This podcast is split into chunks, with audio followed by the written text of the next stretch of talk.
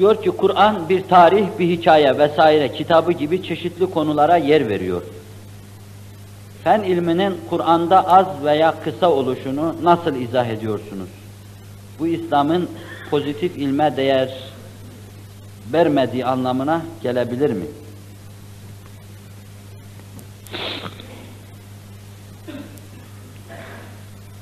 Bu mevzu cumalardaki mevzelerde ele aldık. Ne kadar değer veriyor? Arz ediyoruz. Oraya, o derslere girişte bir nebze arz etmeye çalışmıştım. Kur'an-ı Kerim ezelden gelmiş, ebede gidecektir. Hazreti Adem'in dünyaya teşrifiyle başlayan nübüvvet, elde bir kitap halinde gelişe gelişe kainatın efendisine kadar gelişmiş. Kainatın efendisinde Kur'an bütün kitapların fezlekesi, hulasası, fihristi mahiyetinde arz idare etmiştir. Binaenaleyh Kur'an-ı Kerim bir 20. asrın kitabı değildir sadece. Tekniğin, teknolojinin, fennin pek çok merhaleleri aştığı, bugüne kadar aşılması mümkün görülmeyen merhaleleri aştığı bir devrin kitabı olsaydı, belki hakikaten fen kendisinden çok daha bahsedilmesini arzu edebilirdi. İkinci de şunu arz edeyim. Pozitif ilim diyoruz. Pozitif ilimle ne kastediyoruz? Şu ana kadar tecrübeyle bütün bulunan şeyler, tecrübi sahada bir hüviyet iktisap eden şeyler, bunların bunlara pozitif diyorsak, şu ana kadar şahit olduğumuz binlercesi vardır bunun. Mesela demirin elde edilmesi pozitif bir şeydir artık. Yani demir yerdeki bir madenden elde edilmiştir. Mesela yerin altındaki bir maden, petrolün işlemesi diyelim.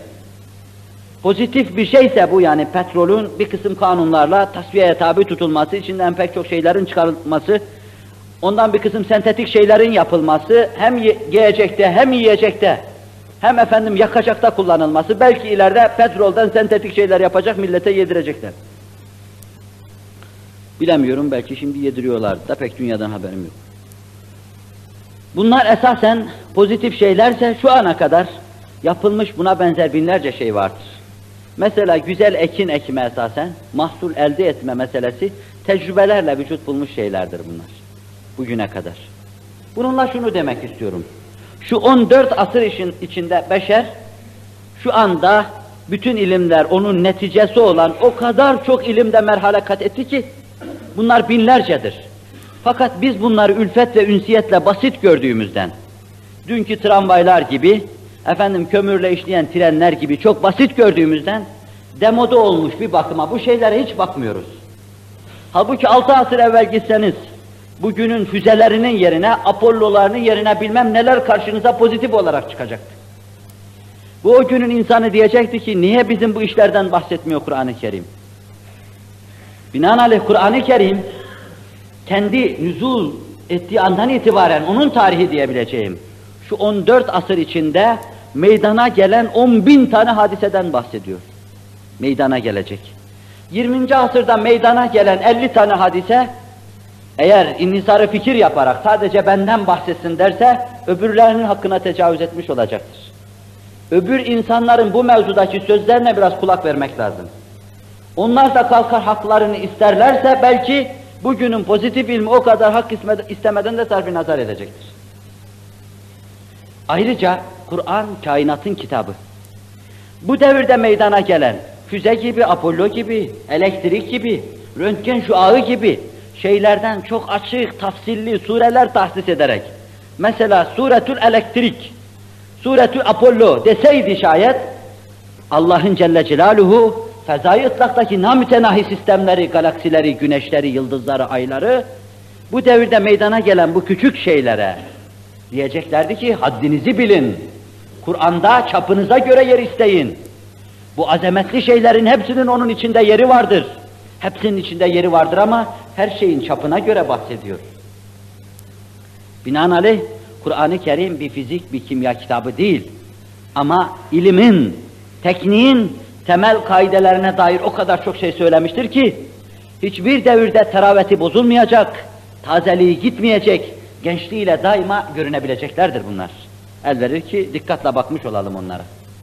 Ama Kur'an-ı Kerim'in bir bakıma tarih siyer gibi şeylerden, peygamberlerin magazisine, sergüzeşte hayatına dair şeylerden daha çok bahsetmesi, hususiyle nüzulü, nüzulü zamanında, onun indiği zaman, Resul-i Ekrem aleyhissalatu vesselamın maruz kaldığı şeyler nazarı itibara alınıyordu.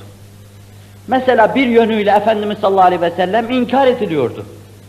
Kur'an-ı Kerim ona diyecek ki, فَاِنْ كَذَّبُوكَ فَقَدْ كُذِّبَ رُسُلٌ مِنْ قَبْلِكَ Eğer seni inkar ediyorlarsa senden evvel pek çok nebi inkar edildi diyecektir. Ve sonra vakayı anlatacaktır. Musa'nın inkar edilişini anlatacaktır. Hz. Mesih'in inkar edilişini anlatacaktır. Allah Resulü şöyle buyurur. Rahimallahu Musa لَقَدْ اُذِيَ اَكْتَرَ مِنْ هَذَا Kendisine eziyet ettikleri zaman şöyle buyurur. Allah, Allah'ın bol bol rahmeti Hz. Musa'nın üzerine olsun. Bundan daha fazlasına maruz kaldı da sabretti der. Teselli bulur. Vakayı biliyor. Binaenaleyh peygamberlerin hayatı olarak, sergüzeşte hayatları olarak, Kur'an-ı Kerim'de fezlekeler halinde, bazen de kısmen tafsir edilmiş şekilde kendisini gösteren şeyler, bütün bir hayatın adeta Kur'an-ı Kerim'in içinde canlanması, bütün bir hayatın kalbinin çarpması demektir.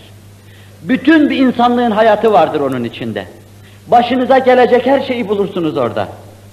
Kur'an-ı Kerim'i açıp okuyan bir insan, manasına dikkat eden bir insan, her gün çeşitli inişlerini, çıkışlarını, döndüğü zikzakları hepsini Kur'an-ı Kerim'in içinde bulur. Ama bir surede bulmazsa başka bir surede geçmiştir. Ve sonra o sure insanı kendi psikolojisiyle yakla, yak, yakalayıverir. Ve sonra hemen onu kendi tedavi edeceği sahaya götürür. Aynen bir peygamberin başından geçen vakayla onu karşı karşıya getirir. İnsanın içini okşayan, bir meltem tesiri yapan, ilahi ifadesiyle insanın vicdanını yıkar, tertemiz hale getirir. Kur'an okunduğu zaman olur bunlar. Bütün vakaları birden nazar itibarı aldığın zaman adeta magazi kitabı gibi gelir. Halbuki haddi zatında hiç de öyle değil. Belki Kur'an'da peygamberlerin hayatına dair olan şeylerin bütününü bir araya getirsek 300 kadar ancak olur.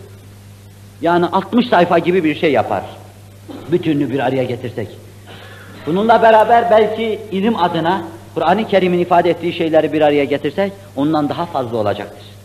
Çünkü bir yerde yerin göğün yaratılmasından bahseder. Bir yerde nebatatın yaratılmasından bahseder. Öyle sureler vardır ki onlar doğrudan doğruya Allah'ın nimetlerini tadat etmekle, başlamış tadat etmekle bitmiştir. Mesela Nahil suresi. Arı, arının adına izafeten. Mesela Nemil suresi diyelim. Bunun gibi mesela Ra'd suresi. Cenab-ı Hakk'ın nimetlerini tadat eder durur. Bunlardan anlaşılıyor ki böyle zahiren Lihle-i Ula'da nazara çarptığı gibi Kur'an-ı Kerim fenleri ihmal etmemiş ve onlardan daha çok peygamberlerin hayatına, sergüzeşte hayatlarına yer vermemiştir. Yerine göre her şeye yer vermiştir.